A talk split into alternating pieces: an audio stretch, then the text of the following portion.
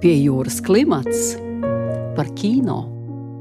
Labdien, mīļie radio klausītāji! Šī gada 25. aprīlī, nu jau kā ierasts, neierastā formātā, norisinājās viens no kino pasaules nozīmīgākajiem pasākumiem - ASV Kino akadēmijas balvas Oskars pasniegšanas ceremonija. Šogad ceremoniju veidoja slavenais režisors Stevens Soderbergs kopā ar savu producentu komandu, veicot vairākas izmaiņas ierastajā ceremonijas norisē, kuras spriežot pēc atsauksmēm pasaules mēdījos un sociālajos tīklos, nenesa gaidīto rezultātu. Arī 93. balvas pasniegšanas ceremonija noritēja bez pasākuma vadītāja, kā arī pandēmijas apstākļos bija pieticīgāk savos izmēros. Galvenais pārmetums ceremonijas režisoram bija kategorijas secības mainīšana. Šogad ceremonija nenoslēdz viennozīmīgi par svarīgāko uzskatāmā labākās filmas nomināciju, bet gan labākā aktieru darba kategorijas. Kā var noprast, tika cerēts, ka balvu saņems nu jau aizsaulē aizgājušais aktieris Čedviks Bouzmans par filmu Māra Rēnijas Melnā pēcpuse, kas būtu skaists un aizkustinošs noslēgums Oskara ceremonijai,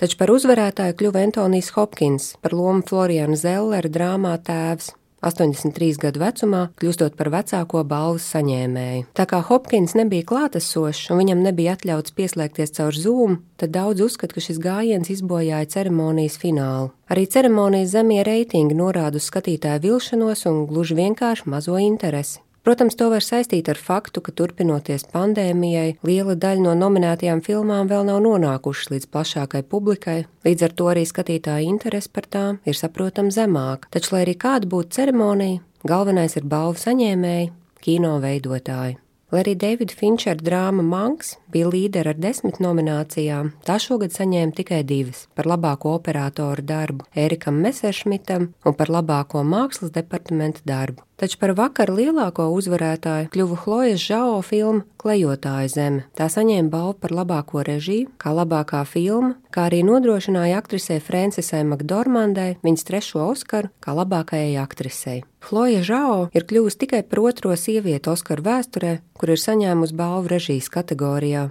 Par labāko ārzemju filmu tika pasludināta Tomas Vinterberga vēl pa mēriņam, Labākās animācijas filmas status ieguva Pixar studijas filma Dvēsele, bet Netflix studijas mans skolotājs astoņkājas kļuva par labāko dokumentālo filmu. Par labāko otrā plāna aktieri tika atzīts aktieris Daniels Kaluja par lomu filmā Jūda un Melnais Mesija, bet labākās otrā plāna aktrises balvu ieguva Joniju Junga par filmu Minārī. Kā parasti, Oskara balvas pasniegšana nav vien pasākums kino veidotājiem. Tas ir cieši savīts ar ASV un pasaules politisko klimatu. Pēdējos gados ir ieguldīts darbs, lai padarītu Oskara komisiju daudzveidīgāku un iekļaujošāku, un tas ir arī redzams šī gada nominācijās.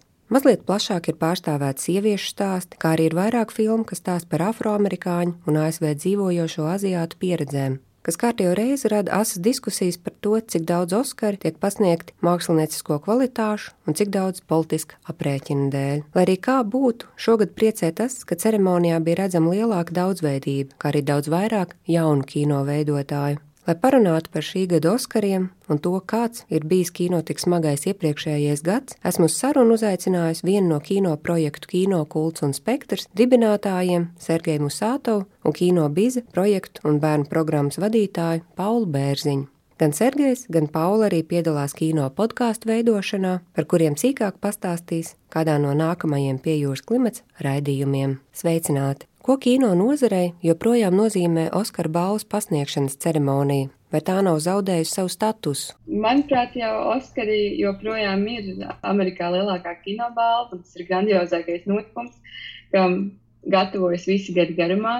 Un, lai gan tas status tiek apšaubīts un tiek apšaubīta arī patiesībā tā atlases kārtība, tas joprojām ir pats nozīmīgākais notikums kino nozarē, vismaz tai pusē okeānā, un arī šai pusē mēs to apspriežam vairāk mēnešu garumā. Vai eh, kino nozare vai kino industrija kā tādai joprojām ir svarīga balva un ceremonija? Es teiktu, ka jā, emocionāli es piekrītu Paulai, ka tas joprojām ir lielākais kino notikums. Tā akadēmija ir gandrīz 10 tūkstoši biedru liela, kolēģi, eksperti, profesionāli profesionāļi, kas ir tajā akadēmijā, nu, viņu viedoklis ir joprojām svarīgs. Un tāpēc e, ir interesanti redzēt, ko tie akadēmiķi ir izvēlējušies. Vismaz no industrijas skatu punkta, bet no plašas publikas tā aktualitāte, nu, mēs objektīvi redzam par reitingiem, ka viņi zūd. Un Oskari vairākus gadus mēģina kaut kā atgūt atpakaļ to relevanci kopš laikam The Dark Knight, kad viņi nākamajā gadā, pēc tam, kad The Dark Knight nebija nominēts, ielika plašāku filmu klāstu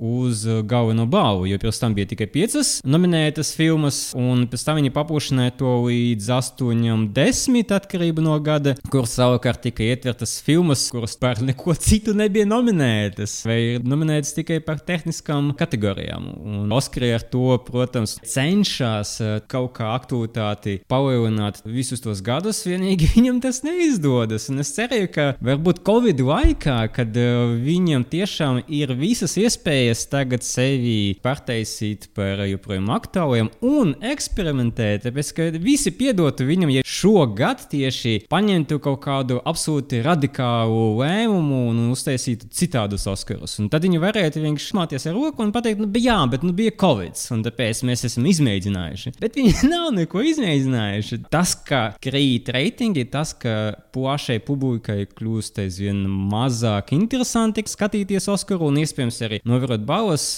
tāda tendence notiek. Jā.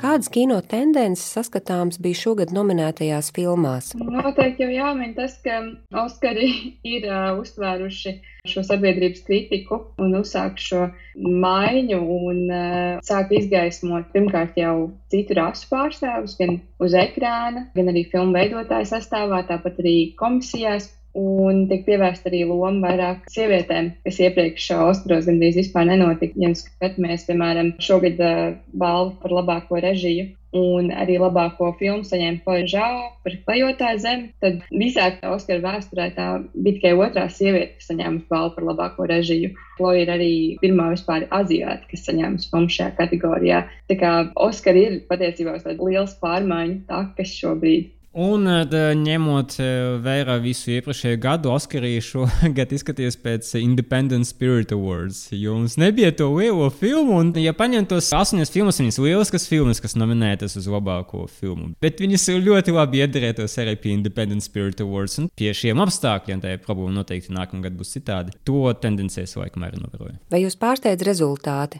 Vai bija kāds uzvarētājs, ko nekādu nebijāt paredzējuši, vai tika liktas arī likmes? Protams, azartspēles noteikti notika, bet uh, man tiešām, godīgi sakot, pārsteidz klejotāja zemes uzvara, jo es tiešām domāju, ka tā ir fantastiska filma. Es nevaru sagaidīt, kad mēs viņu varēsim noskatīties lielā ekrāna. Tomēr man bija neticība, ka šī filma varētu uzvarēt tieši ņemot vērā iepriekšējo gadu pieredzi, ka um, sievietes lielākoties neapbalvo, kā piemēram pagājušajā gadā tas bija mazās sievietes, kur filma, kas ir par sievietēm, kuras nosaukumā ir sievietes, režisējusi sieviete, plus vēl tā vispār bija kostīma drāma, un arī kā tās filmas režisori teica, ka viņai ir sajūta, ka šie ir tie kritēriji, kurus komisija redzot, viņi nemaz nenoskatās to filmu un nemaz nevērtē. Tāpēc man bija radies iespējas, ka klejotāja zeme noteikti neuzvarēs pat, ņemot vērā tos jaunos nosacījumus, kuru virzienā Oskar gribēja doties. Tas bija mans pārsteigums. Laikam es biju optimistiskāk par Nomadland un, un pārsteigumu tādā ziņā nav bijuši. No, ok, skaidrs, ka no likmēm kaut kāda nobīde bija, jā, bet tā visticamāk bija nobīde, ka Oskaru dabūja nevis mana pirmā izvēle, bet mana otrā izvēle. Un tā ir ir Oskara problēma. Kāpēc rezultāti paredzami? Tāpēc, ka mēs esam kino nozares darbinieki un kas interesējas par to. Mēs esam apskatījušies Baftu, mēs esam apskatījušies Zelta globusus, mēs esam apskatījušies visādas eh, gildes. Un, jā, būtu nepatīkams pārsteigums, ja Nomadland nedabūtu. So, tas ir eh, droši vien patīkams pārsteigums, ka tomēr kaut kas eh, labs notiek Oskaros. Tas ir pārsteigums. Jā. Varbūt lielākais bija pārsteigums nevis pat priekš mums, bet priekš Oskariem arī. Ja mēs runājam par uh, nobeiguma snafu, kur viņi samainīja labāko filmu, galveno kategoriju, kas uh, gandrīz vienmēr bija pēdējā kategorija. Un uh, viņi gribēja nobeigt uz labākā aktiera kategorijas, kur viņi ticēja, ka dabūs Chadviks Bouzmans. Un tad viņi ar tādu omāžu noslēdz ceremoniju. Bet dabūja Hopkins, kas arī nebija zālē, un, un tā bija Oskara vaināk. Viņš nebija pieejams, tāpēc ka viņi neļāva viņam pieslēgties ar zumu. Tiešām briesmīgi pārsteigums, jāpiekrīt. It īpaši tas, ka Hopkinsam neļāva pieslēgties ar zumu. Es saprotu visus tos noteikumus, kāpēc viņi nevēlējās, lai ceremonija būtu kaut kas saistīts ar zumu, jo visiem tas ir aplicis, bet vajadzēja izdarīt kādus izņēmumus, ņemot vērā ne tikai Hopkins, bet arī Maureenijas Black Bottom kostīmu mākslinieces cienījamo vecumu. Nu, jā, nav visai droša vieta, kur uzturēties pat, ja visi ir testēti un tādā garā. Pie jūras klimats par kino.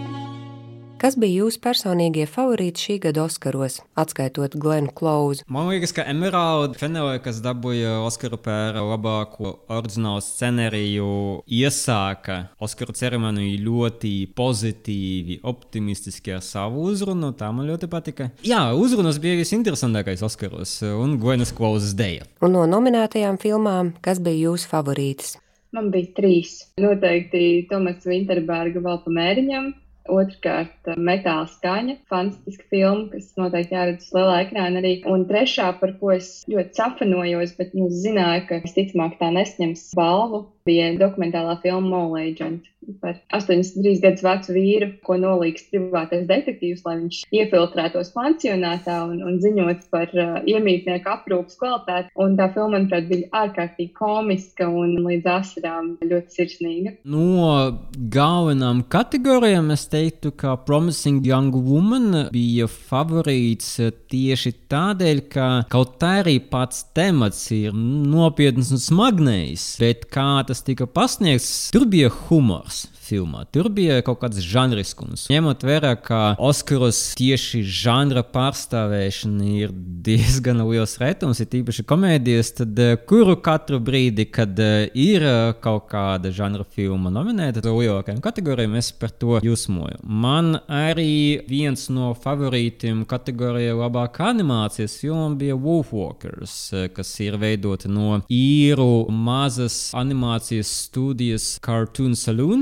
Un uh, šī ceturtā nominācija, ceturtajai filmai, Wolfwalkers, nedabūja Oskaru, bet uh, ļoti patīkama 2D animācijas filma, kas arī ir uh, milzīgs retums animācijas žanrā. Ir īpaši tāda, kuru mēs cerams redzēsim uz liela ekrāna. Tāpēc par to es arī biju gaidījis, ka varbūt dabūs šoreiz. Bet Pixars, you know. Bet savu bija arī ļoti laba. Es saprotu, Pixara filma nav no vainas. Vienkārši katru reizi, kad Pixars ir nominēts, tu zini, kam būs balva.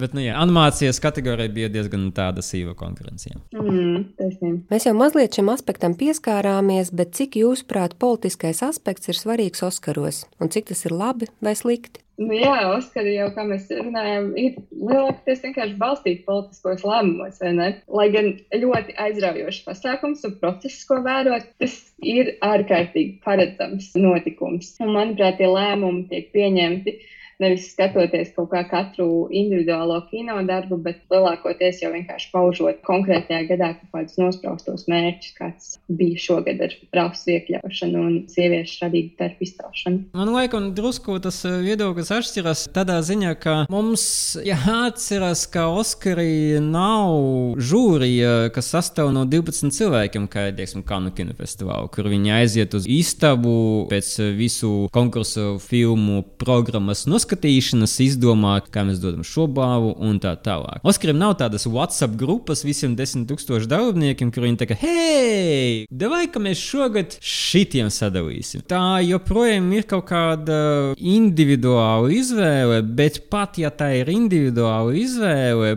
protams, ka viņi ir politiska un ar sociālu apziņu. Viņi dzīvo politiskajā un sociālajā pasaulē. Viņi redz visas tās trendus, viņi redz to, kas ir aktuāls cilvēkiem. Tie var būt gan uh, pozitīvi noskaņoti politiski uzskati, bet arī varbūt negatīvi, arī rasistiski. Es atceros, tas, ko mēs minējām arī savā podkāstā, un mēs vienmēr pieminam saistībā ar Oskariem, mēs vienmēr cenšamies aizvest cilvēkus uz uh, Hollywood Reporter kas uh, katru gadu intervijā anonīmi akadēmiķus, un uh, no tām intervijām mēs varam saprast, kā akadēmiķi domā. Un daži skaidrs, ka viņi noskatās ka tādu mājas darbu, visas filmas izvēlas labākas, viņi ir eksperti. Pretī savukārt ir akadēmiķi, kuri var rakstīt, klau, es noskatījos to filmu Little Women, un es nesaprotu, kāpēc visas amerikāņu meitenes spēlē britu aktrises. Kas tas tāds? Nē, es nedošu viņam balvu. Tādu motivāciju ietekmē viņi arī balso. Tie ir parasti cilvēki, daži gudrāki, daži dumjāki. Tie ir desmit tūkstoši cilvēku, tiešām tā kā klāsts un spektrs ar dažādību ir plašs. Tas, kas man patīk savukārt, ka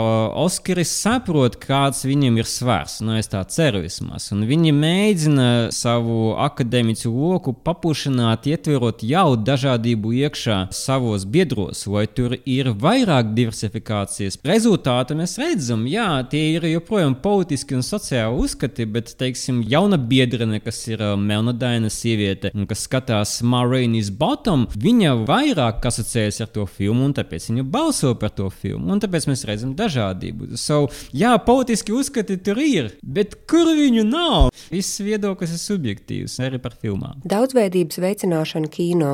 Kāpēc tas ir tik nozīmīgi un kā to var darīt Oskari? Tā ir interesantāk. Es nesaprotu, kāpēc cilvēki šo baidās viegli uztvert. Tā ir interesantāk. Mēs redzam vienkārši dažādus viedokļus. Kino ir uh, no visās mākslas visvieglākais veids, kā mēs varam iesties uh, cita cilvēka kurpēs. Tev nevajag nekur iet, bieži vien tu vari apskatīties Netflixā, un uh, ja tev ir dažādi skatpunkti no dažādiem autoriem, no dažādām pieredzēm, tad kino ir interesantāks. Mēs visi esam ieguvēji piekrītu. Oskariem ir ļoti liela nozīme pasaulē, īpaši Amerikā. Un man pat arī ir svarīgi, ka tiek izcelti dažādie tie stāsti, lai cilvēki var identificēt identificēties, jo Amerika jau nesastāv tikai no tiem uh, baltādainiem vīriešiem, un tāpēc ir svarīgi, ka tiek izcelt arī melnādainie kino, gan arī kvīru kino, gan sieviešu veidots kino, un tāpat arī, ka ienāk kaut kādi darbi no citām valstīm, kas Amerikā varbūt bija retāk iepriekš, kā tagad pēdējos gados ar parazītu un vēl mēriņam,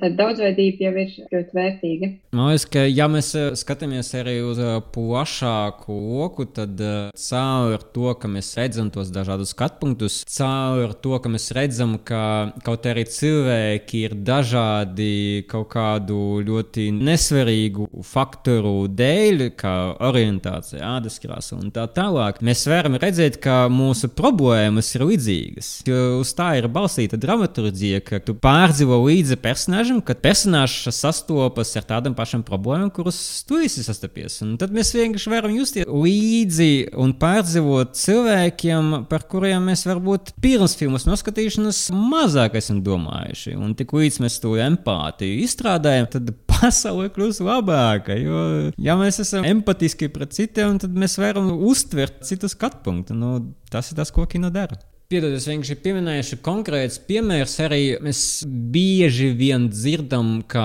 Oskaru reitingi krīt, kinoteātros apmeklējums gadu gaita krīt, bet tad mēs dzirdam, iznāk Melnā Pantēra, kas ir pirmā supervaroņu filma ar melndainu aktieri priekšā, un pēkšņi tas ir blockbusters. Tāds pārsteigums, ka ja tu diversificē filmas, ja tu iekļauj vairāk cilvēku grupas, tad tu dabūt tās grupas uz kinoteātru, tu dabūt tās grupas skatīties jūsu ceremoniju. Pie jūras klimats par kino. Vai ir kādas filmas, kuras jūsuprāt Oskara žūrija nepelnīti bija ignorējusi? Šis jautājums vienmēr ir ļoti aktuāls, jo vienmēr paliks filmas, kas ir ārpusē, un katrs mēdījis taisīs savu sarakstu filmas, kuras netika nominētas, bet kurām vajadzēja nomināciju vai ne. Bet nu, lielā mērā tas jau ir bieži vien saistīts tieši ar to, cik filmu veidotāji vai producenti vai studijas ir gatavas ieguldīties šajā kampaņā, jo lai tiktu līdz Oskariem, ir tiešām jāiegūda ļoti liela finansiāla līdzekļa, ko ļoti iespējams daudz filmu veidotāji nav gatavi darīt. Manuprāt, šogad no filmām, kas iznāca, es biju gaidījusi, ka The Five Bloods, Spike Lee filma, būs vairāk nominācijas. Bija pārsteigta, ka tā bija nominēta tikai par mūziku bija pārsteigums, ka es neredzēju arī On the Rocks nominantu sarakstā.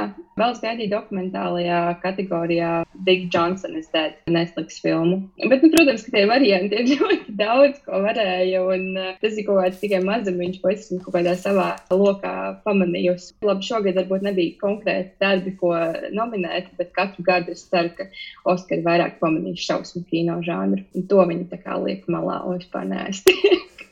Īstenībā pavotu Midnight The Five Bloods, un tas varbūt arī lielākais arguments, kāpēc Oskari nav tik politiski, tāpēc, ka kur nu vēl politiskāku filmu viņu varētu nominēt? Spaiks, Lee un uh, saturs ir politisks, un ja tiešām šī būtu WhatsApp grupa, tad viņu pa visam kategorijām The Five Bloods nominētu. Bet no otras puses The Five Bloods iznāca salīdzinoši agri Oskaru gaitā. Es domāju, ka cilvēki vienkārši piemirs. Es pieminētu Palm Springs, jo komēdija komēdijas arī bieži vien eh, nenonāk līdz Oskariem, un Palm Springs bija tā filma, kurai bija svaigs scenārijs, kur bija laba dramaturgija, kur bija vairāki tādi līmeņi, kurus tu vari pētīt. Tur bija arī potenciāls dabūt nomināciju par montāžu. Tā kā es biju domājis, ka vismaz uz kaut kāda radāra Palm Springs uzpeldēs, bet nekā. Kādu jūs paredzat šo gadu kino un kāda varētu izskatīties nākamie Oskari, kad iznāks visas šīs iesaldētās pirmizrādes?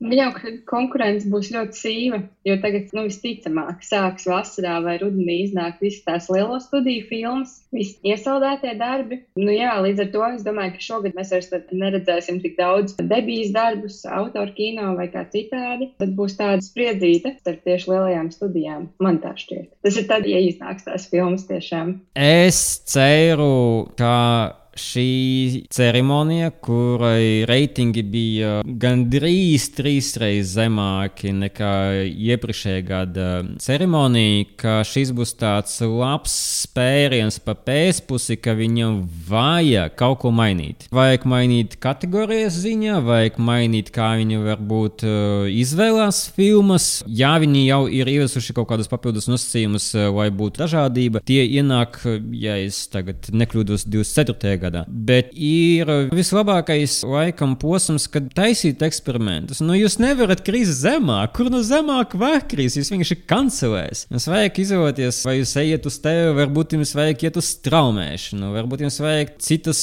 montāžas vai apvienot kategorijas. Mēs jau kaut kādu brīdi runājam par to, ka labākā aktrise, labākais aktieris varētu būt apvienots kā labākais aktieru darbs. Kaut ko vajag mainīt. Citādi tendence ir diezgan skumja ja, šādi turpinās, tad viņi neizturēs līdz uh, savai jubilejas uh, simtai ceremonijai. Jā, drīkst seriālus arī sākt nominēt. Oskari un tā, bet Oskariem vajadzētu drusku izkāpt no saviem rāmjiem un atvieglot nosacījumus par straumēšanu. Jo, ja tā ir kino nozare, kurai viņi dod balvas, tad kino nozare aizvien vairāk strādā straumēšanas platformas, un straumēšanas filmas nevar tikt nominētas, izņemot iepriekšēju gadu, tāpēc, ka viņam obligāti jābūt uh, kinoteātros uh, Losandželosā un Ņujorkā uz nedēļu vai divām. Vajag mainīt nosacījumus, vajag iekļaut straumēšanu un vajag uh, pieņemt to, ka sērijā materiāli pēc kvalitātes ir izauguši līdz tādam līmenim, ka pārspēj daudzas, daudzas filmas. Kāpēc tad jūs nenominējat, jo jūsu auditorija skatās seriālus? Jūsu jaunieši, kas uh, reitingos krīt visdrastiskāk, skatās seriālus.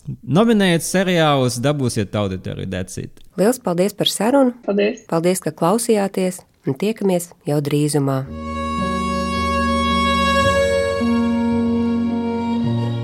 Raidījumu vadīja Marta Elīna Martinsone, montēja Andra Černievska, raidījuma piejūras klimats producente Inga Saksona.